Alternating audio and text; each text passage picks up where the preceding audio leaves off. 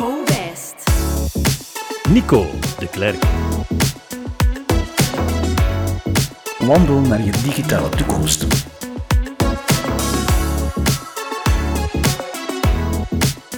Ho West. Hallo, ik ben Nico de Klerk en ik heet je van harte welkom bij deze podcast. Onder het motto Wandel naar je digitale toekomst praten we een half uurtje met een aantal vakspecialisten over een hot topic. We hebben het over techniek en over business, over de verwondering rond de mogelijkheden van de technologie. Wat is het en hoe werkt het zijn maar enkele vragen die we ons en onze specialisten stellen. Maar we hebben het daarnaast ook over de impact, de meerwaarde en de uitdagingen die ons topic met zich meebrengt in de bedrijfswereld. En dus ook in het leven van ons allemaal.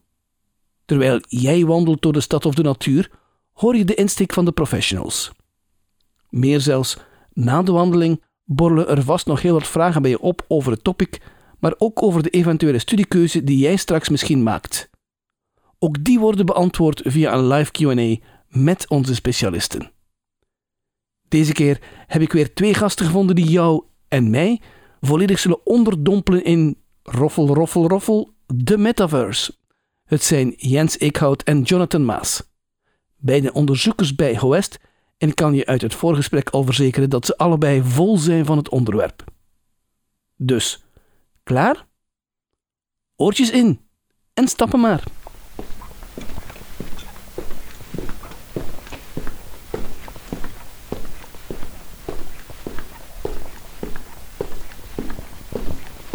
Ik vroeg Jens en Jonathan wat die metaverse nu eigenlijk is.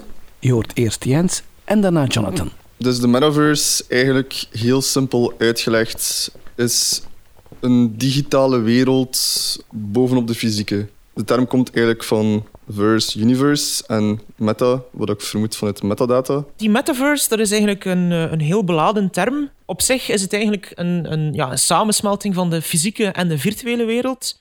Het is de bedoeling dat je bijvoorbeeld in een metaverse kan springen en dat je dan een VR-headset opzet en dat je dan in een volledig andere omgeving terechtkomt. Eigenlijk is het een beetje ja, een, een samensmelting van ideeën en technologieën, waaronder VR, augmented reality, blockchain, AI.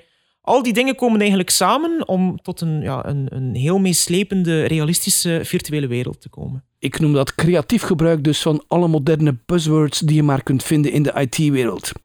Moet ik de metaverse dan voorstellen als een virtual reality? Je kan het gebruiken, maar het is op zich niet vereist. Eh, het kan ook met augmented reality, het kan een applicatie zijn in de webbrowser of gewoon een applicatie op de PC. Dus virtual reality is geen vereiste voor de metaverse. Idealistisch gezien zou VR of virtual reality dan inderdaad wel de, de meest meeslepende vorm van de metaverse-beleving zijn omdat je echt een bril kan opzetten en al de pixels die je rond je ziet zijn, zijn, zijn niet echt. Hè? Dus je zit in, in die andere virtuele wereld.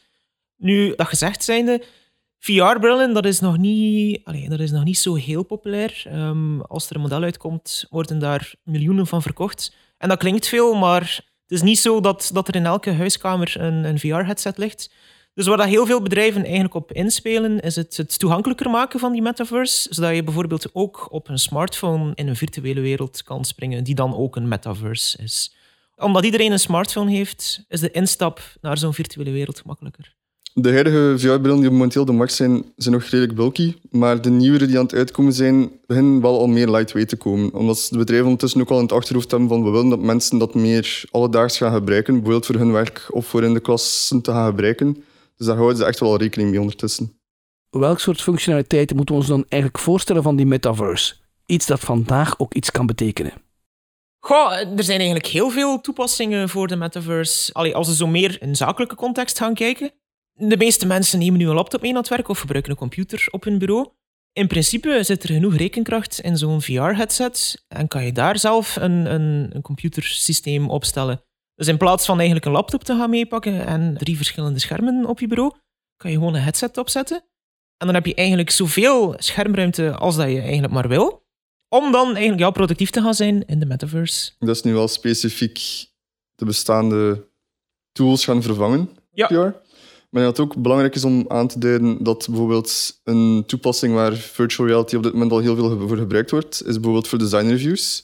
Het is voor productvisualisatie soms heel gemakkelijk voor gewoon even in VR het product te gaan bekijken en eventueel kleine aanpassingen te gaan doen vooraleer dat ze echt beginnen met fysieke prototypes te maken. Omdat het ook al een redelijk sterk kostbesparende toepassing is.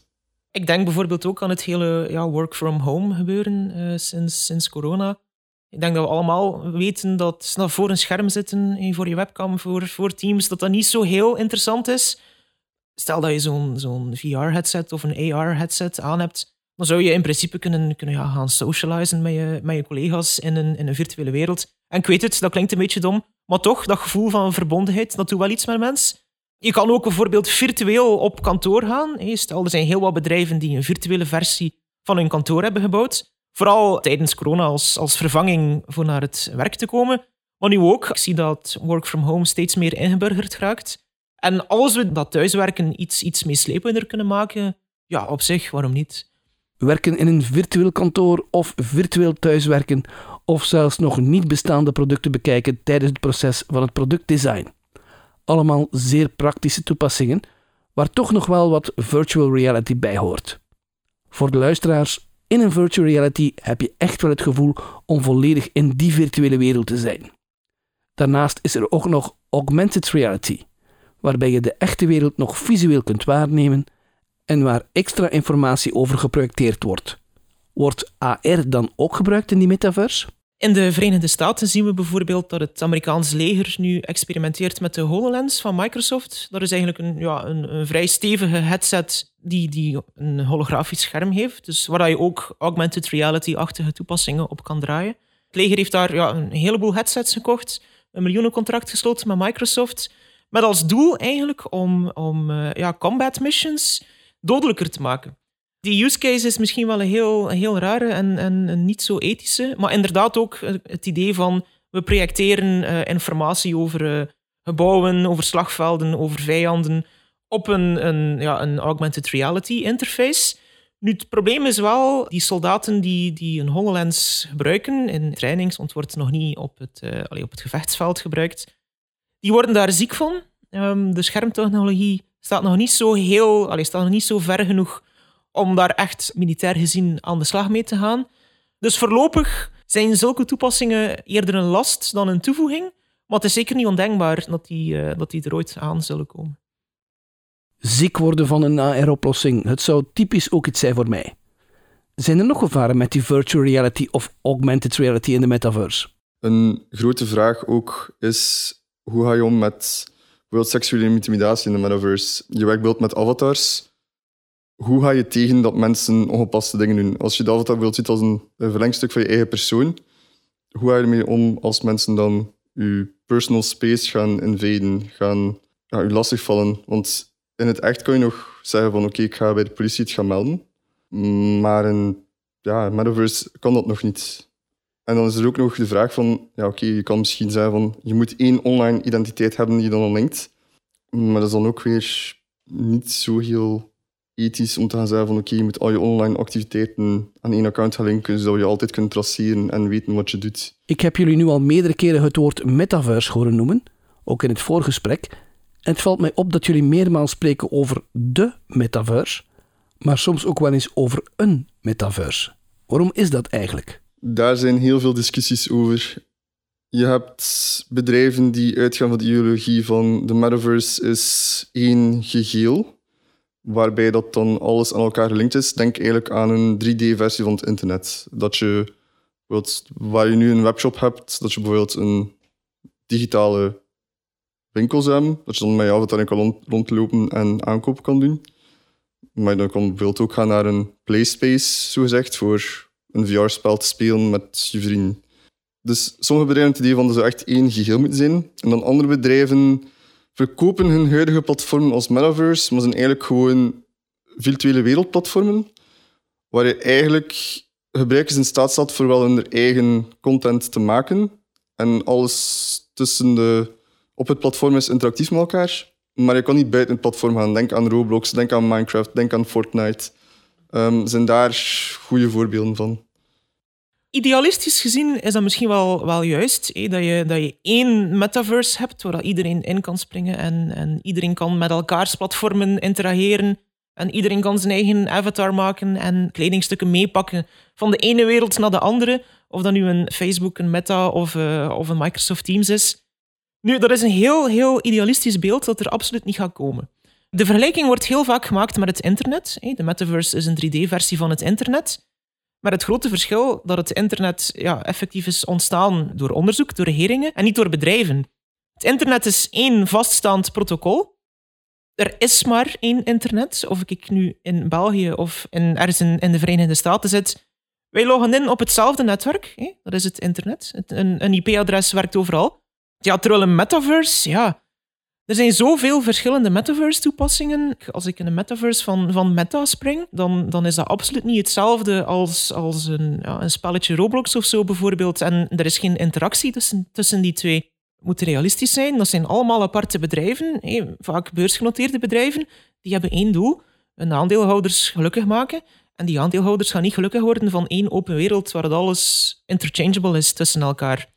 Nu, aan de andere kant heb je ook heel wat mensen die het idee hebben van oké, shit, die metaverse moet eigenlijk toch wel meer open en gedecentraliseerd zijn. We gaan al die macht toch niet geven aan, aan big tech, aan die grote bedrijven. En daar, daar komt het blockchain-verhaal eigenlijk meer naar boven. Daar is het idee van, we smijten de metaverse op een blockchain. We geven de gebruikers macht. We kunnen ze bijvoorbeeld een aantal eh, ja, cryptocurrency tokens toewijzen, waarmee dat ze dan stemrecht hebben om beslissingen te nemen. En we doorbreken heel, heel die monopolistische houding van, van grote techbedrijven. Moet daar ook een beetje realistisch in zijn. Er zijn een aantal gedecentraliseerde metaverse-platformen, maar die zijn belangen nog niet zo populair als, ja, als de platformen waar dat er echt, echt support van de grote bedrijven achter zit. Denk bijvoorbeeld aan, aan Meta met een Horizon eh, Workspace, Horizon Worlds. Dus Horizon Worlds is dan eigenlijk een sociale omgeving om te interacten met elkaar. Horizon Workspace is dan meer gericht op de businesskant. Dus ehm, thuiswerken, meetings met, met je collega's, met klanten, eh, dat soort dingen. Dan heb je nog allemaal... Ja, Microsoft speelt eigenlijk ook wel vrij hard in op de metaverse. Misschien niet helemaal het virtuele, maar Teams is natuurlijk een heel belangrijke... Heel, miljoenen gebruikers. Die AR komt daar heel, heel, heel sterk naar boven. Denk bijvoorbeeld aan, eh, aan, aan 3D-avatars in Teams-meetings als je nog niet gedoucht hebt of, of het, is, het is acht uur s morgens en, en wil een beetje presentabel overkomen, dan kan je een avatar inzetten als, eh, als gespreksfiguur eigenlijk. Ook een, een HoloLens, dus op hologrammen zien we dat ze inzetten. Dat is iets dat, dat, dat in, een, in een vrij vroeg stadium nog zit en zeker nog niet toegankelijk is voor iedereen. Maar daar zien we ook wel al wat beweging in.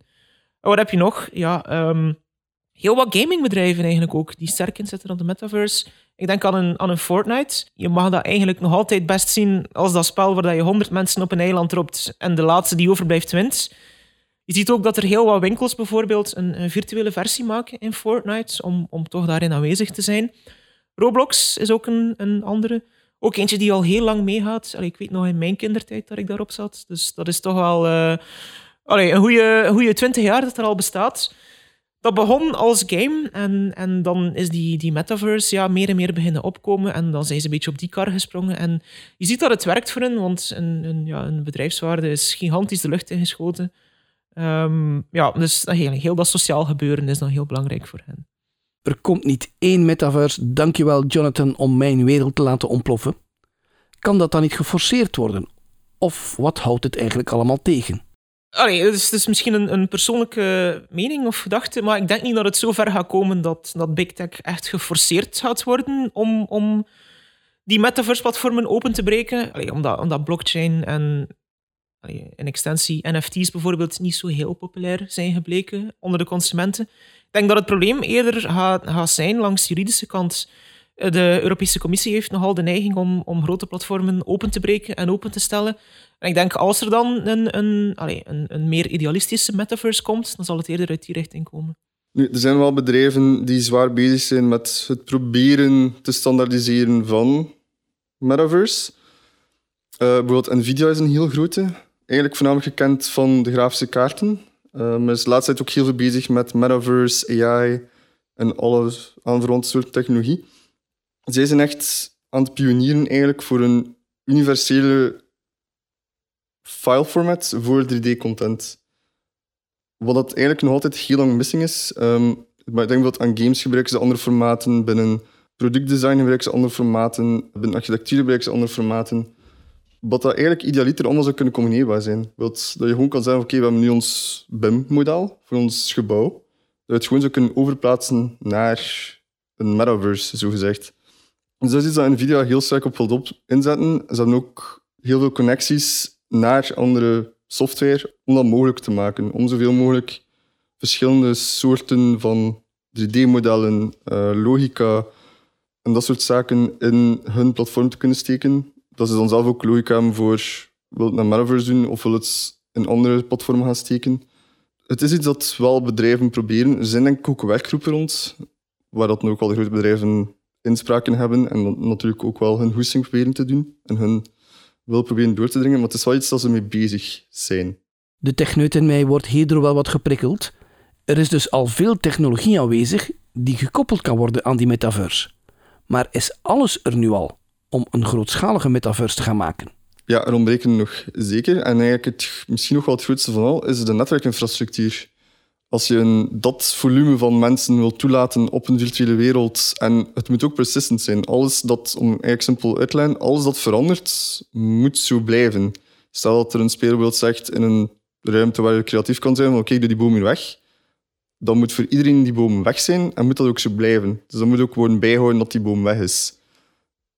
Dus dat moet heel zware netwerkinfrastructuur hebben, die we eerlijk gezegd op dit moment nog niet hebben. Voor echt naar het idealistische idee te gaan van Metaverse, dat kan nog op dit moment niet. Dus netwerkbeheerders to the rescue. Jullie hebben me geprikkeld. Wanneer kan het dan wel? Dat kan ook voor de luisteraars interessant zijn, want ik wil dat iedereen meewerkt, zodat ik van die metaverse kan proeven. Er zijn schattingen dat men hokt binnen de tien jaar. Dat is altijd een beetje een vraag van hoe snel het vooruit. Soms stagneert het een beetje, dan zijn er weinig vernieuwingen op een redelijke tijd. Op andere momenten, kijk nu bijvoorbeeld naar AI, explodeert het in een jaar. Dat heel ja, dat wereldje eigenlijk verandert van technologie. Ook hoor ik je al zeggen dat er nog wat nieuwe bestandsformaten nodig zijn. Maar het hoeven niet per se nieuwe bestandsformaten te zijn. Er moet gewoon een consensus zijn van welk formaat willen we gebruiken. Uh, want dat bestaat nog op dit moment niet. Elke industrie gebruikt zijn eigen formaten. Omdat ze ook op verschillende dingen de focus leggen. Bijvoorbeeld, denk nu aan games. Er moet ook kleurdata aanwezig zijn, wat bijvoorbeeld voor gewoon kattendesigns minder belangrijk is. Dus die formaten zijn heel verschillend. Dus daar is nog geen consensus rond. Op gebied van connectiviteit, allee, je ziet bijvoorbeeld in, in Fortnite, je kan daar 100 mensen in smijten en, en, en dat is het, dat is het maximum. Nu, als we naar een heel meeslepende metaverse willen, dan is het wel de bedoeling dat we daar met duizenden mensen tegelijk in gaan kunnen zitten.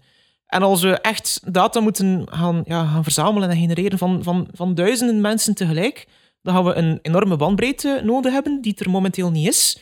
Ja, niet alleen bandbreedte, maar ook de vertraging op bepaalde dingen is heel belangrijk. Stel bijvoorbeeld een, een geavanceerde VR-headset die je gezichtsuitdrukkingen kan volgen, zodat dat het praten tegen iemand in de metaverse heel, heel realistisch en waarheidsgetrouw overkomt.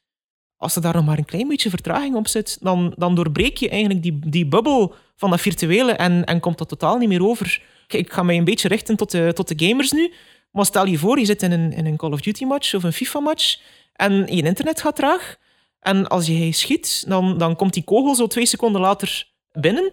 Allee, dat is geen werk. Je wordt daar compleet zot van. Vooral als je aan het winnen bent. Maar goed, als dat in de metaverse gebeurt, ja, dat, dat kan eigenlijk niet om echt een meeslepende metaverse-ervaring op te leveren.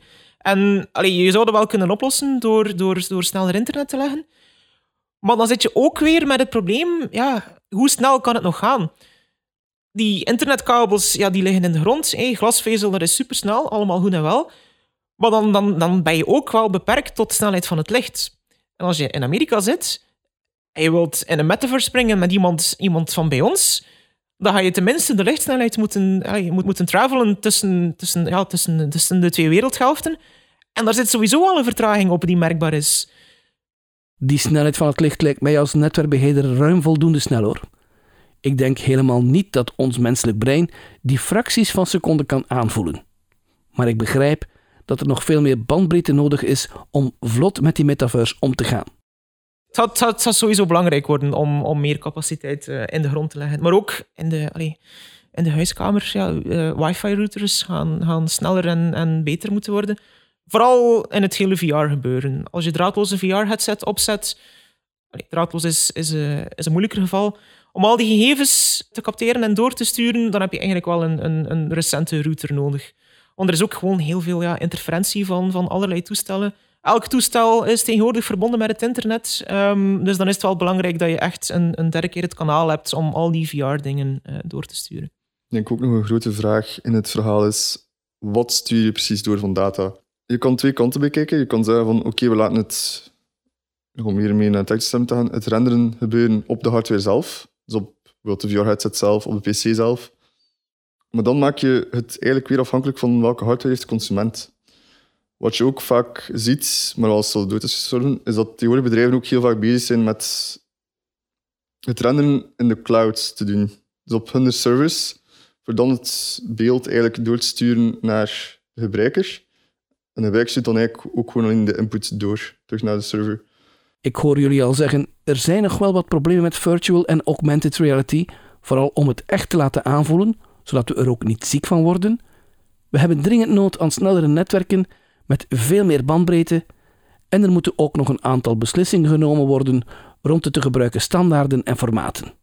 Waarom dan eigenlijk nu al die hype rond de metaverse? Die hype is een beetje te vroeg. We hebben dat ook gezien bij AI, bij virtual reality, bij alle technologieën over het algemeen. Er de eerste paar stapjes zijn naar die technologie toe, beginnen, beginnen soms een marketing op gang te zien komen en bedrijven die zeggen van oh, dit is echt het volgende van... Maar de technologie staat gewoon op sommige vlakken nog niet ver genoeg. Er is nog heel veel werk dat er aan moet gebeuren. Het is ook een zeer complex topic, omdat ja, je hebt AI, Web3, game technologie, immersive technologies, netwerkinfrastructuur. Alles moet eigenlijk. Het is een heel complex verhaal. Dus om dat volledig te kunnen verkopen of te realiseren hoe bedrijven nu aan het verkopen zijn, is niet haalbaar. Goh, wel, het is wel zo dat de technologie op dit punt nog niet ver genoeg staat. Maar tegelijkertijd komen we wel in de buurt het is wel al mogelijk om voor een relatief beperkt budget toch een, toch een deftige metaverse-ervaring op te leveren. Ja, we vertrekken vanuit die gamingwereld, waar je ziet dat er, dat er eigenlijk op heel korte tijd heel wat doorontwikkelingen zijn geweest. Allee, bijvoorbeeld de, de PlayStation 5 en de Xbox-consoles, die hebben zeker geholpen om dat grafische terug wat meer aandacht te geven. Chips worden enkel maar sneller en sneller. We zien ook dat er AI-toepassingen worden gebruikt om een stukje van die rekenkracht over te nemen. Dat is heel simpel verwoord natuurlijk, um, maar het wordt gemakkelijker door AI om, om echt beelden te gaan genereren. Ook op gebied van schermtechnologie. We zijn er nog niet. Het is niet alsof dat je een, een VR-headset kan opdoen en dat het dan een, een even deftig beeld is als in het echte leven. Daar zijn we zeker nog niet. Maar tegelijkertijd, het werkt wel al. Je kan al in een virtuele wereld zitten en, en die ervaring is, zeker deftig genoeg. VR-headsets worden echt al, al ja, 20, 30 jaar doorontwikkeld. En vergeleken met de, de eerste headset is die evolutie heel duidelijk te merken. We zien dat er uh, nieuwe lenstechnologieën uitkomen, uh, ja, zogenaamde pancake lenses. Die naam duidt eigenlijk gewoon op het feit dat die lenzen wat dunner zijn en gemakkelijk, gemakkelijker in een behuizing te stoppen zijn. Waardoor dat de comfort heel, heel wat beter wordt. En ook, ja, we zien opkomst van heel wat sensoren. Denk aan eye-tracking sensoren. En je zou misschien wel kunnen denken van eye-tracking, waarom is dat nodig? Wel, dat is eigenlijk iets heel ingenieus. Als je VR-headset een, een cameraatje richt op je ogen, dan kan hij eigenlijk perfect volgen van oké, die gebruiker kijkt eigenlijk naar dat specifiek deel van het scherm. En als de VR-headset weet naar wat hij kijkt, kan die headset eigenlijk gaan zeggen van dat deel van dat scherm gaan we in, in een hogere kwaliteit gaan, gaan renderen. En de rest, dat zetten we op een lagere kwaliteit, want dat merk je toch niet. Hij kijkt er toch niet naar naartoe. En op die manier ja, ga je eigenlijk ja, heel wat rekenkracht gaan, gaan, gaan vrijstellen. En kan je dan weer grafisch indrukwekkendere virtuele werelden gaan bouwen. We komen er dus wel. Zien jullie dan een zeer mooie toekomst voor de, of een, ik laat het nog even in het midden, metaverse? Ja, toch wel. Je ziet dat er heel wat bedrijven inzetten op augmented reality. En dat is eigenlijk, denk ik, een beetje door de, de populariteit van Snapchat ook. Al die Snapchat-filters, eh, die, die make-up filters of zonnebrillen, dat is door, uh, doorheen de jaren wat verder geëvolueerd. Het is zelf al lang geleden dat ik erop heb gezeten. Maar blijkbaar kan je nu bijvoorbeeld um, virtuele sneakers gaan dragen in Snapchat. Van Nike of van Adidas. En, en je ziet dat die bedrijven daar wel, wel hard op inspelen. Om, om, ja, vooral om een nieuwe doelgroep aan te spreken ook. Dus die AR-filters en, en augmented reality in het algemeen wordt veel, vrij belangrijk. En ja, wat toepassingen betreft in het bedrijfsleven Ik denk dat, dat het het beste is dat ik gewoon met een aantal handige voorbeeldjes afkom. Ja, ik denk bijvoorbeeld aan, aan onderwijs in eerste instantie. Metaverse lessen, dat klinkt wel cool, hè? In plaats van eh, te leren over, over, eh, over de planeten in, in aardrijkskunde, in plaats van een stomme cursus, waarom, waarom zet je niet gewoon een VR-headset op en, en spring je zelf een keer in de ruimte en kan je die planeten van dicht gaan bekijken en kan je daar alles mooi zien? In plaats van te kijken in een geschiedeniscursus hoe dat Rome gebouwd werd, waarom zou je zelf niet naar Rome in die tijd kunnen reizen in de metaverse om te zien hoe dat het eraan toe ging, bijvoorbeeld in Rome? Zo van die, van die forumdiscussies. Of chemische experimenten in de les chemie. En er zijn wel een aantal experimentjes dat je kan doen. Maar de echt coole experimenten, de gevaarlijke experimenten, ja, in een klaslokaal is dat een beetje ambetant. Maar in, in, de, ja, in virtual reality, in een, in een metaverse, dan, dan kan en mag alles eigenlijk. En kan je daar eh, eh, waterstofgas gaan, gaan maken in een experiment. Dus al die dingen die, die eigenlijk nu nog onmogelijk zijn, kan je wel mogelijk maken in de metaverse. Als we dat doortrekken naar de bedrijfswereld, er zijn heel wat bedrijven die in de algemene industrie zitten, bijvoorbeeld op een werf of zo. Safety trainings kan je geven in de metaverse. Allee, je zou dat in het echt ook kunnen geven, maar dat is één duur en twee niet zo heel handig. Dus ja, je kan, je kan dan bijvoorbeeld zeggen van kijk, dit kan er allemaal mislopen op een werf of in een fabriek. Dit moet je doen als er een machine stilvalt. Je kan er allemaal gaan simuleren, allemaal heel realistisch maken. En door die, die training te verschuiven naar het virtuele, ja, hou, je, hou je eigenlijk resources vrij in het echt. Het, kantoorwerk kan, kan ook uh, ja, heel, heel sterk onderhevig zijn aan metaverse toepassingen. Work from home gaat volledig aangepast worden, afhankelijk van uh, ja, de tools die je tot je beschikking hebt. Een VR-headset opdoen om, om bijvoorbeeld ja, uh, virtuele schermen te genereren voor je, zodat je meer werkruimte hebt. Dat kan allemaal. Meer meeslepende meetings met collega's in VR of in AR of met hologrammen samen. Kan ook allemaal. Um, samen naar kantoor gaan, van thuis uit. Klinkt een beetje heel dom, maar het kan ook allemaal. Bijvoorbeeld in bepaalde bedrijven, iemand die in Europa zit, die, die, die moest samenwerken met, de, ja, met een internationale tak in Japan of in de Verenigde Staten. In plaats van te vliegen, in plaats van de vlieger te nemen, kan je gewoon een, een, ja, een metaverse meeting gaan inboeken eigenlijk, om, om het toch echter te doen voelen. Als ik het zo hoor, zijn er heel wat mogelijkheden voor bedrijven en ook voor de mensen in de technologiewereld om in die metaverse aan de slag te gaan. Zijn er nog aspecten die we vergeten zijn in onze bespreking? We hebben ook digital twins, waar we eigenlijk een digitale representatie gaan namaken. Dus we baseren ons op de fysieke locatie. Dat wordt dan met AI eh, door in te scannen of met AI of gewoon door klassiek te gaan modelleren nagemaakt. Waar je dan ook een datastroom kan aanhangen. Dus wat je vaak gaat doen is dan met IoT-sensors van de fysieke machines die data ook doorgeven aan de digitale versie. En dan kan je perfect zeggen van oké, in de digitale lees ik er alles uit. Dus dat je eigenlijk in die digitale omgeving kan zien van oké, werken alle machines correct. Je kan diezelfde datastroom ook bijvoorbeeld doorgeven naar augmented reality. Stel dat er een inspecteur rondloopt in de omgeving. Oké, werken alle machines correct? En je kan ook het omgekeerde doen. Je kan dan ook zeggen van oké, we willen nu die machines bedienen in virtual reality. En er aanpassingen aan doen die dan ook toegepast worden op de fysieke machines. En daar zijn eigenlijk al heel veel use cases van. Er zijn bedrijven die er echt mee bezig zijn ik denk ook wel medisch, waar dat je eigenlijk op basis van een camerafeed dokters kunnen gaan opereren remote. Dus dat die tools gelinkt zijn eigenlijk aan, ik vermoed wel iets van controllers, dat ze zo kunnen gaan besturen, eh, de operatie op een afstand kunnen gaan uitvoeren. Zo wordt het natuurlijk geen ver van mijn bed of ver van mijn lijfshow. Iets wat me net nog te binnen schiet en waar ik mij toch wel wat zorgen over maak. Lopen we geen gevaar dat mensen verslaafd zullen worden aan die metaverse en de echte wereld niet meer zullen kunnen onderscheiden van die metaverse-wereld? Er is zeker een risico dat er rekening mee zal gehouden moeten worden. Je merkt dat uh, dat, dat idee heel erg leeft bij de mensen ook. Er is een, een grootschalig onderzoek gebeurd in de, in de Verenigde Staten. En het grootste risicobeeld dat de mensen hebben over de metaverse is verslaving.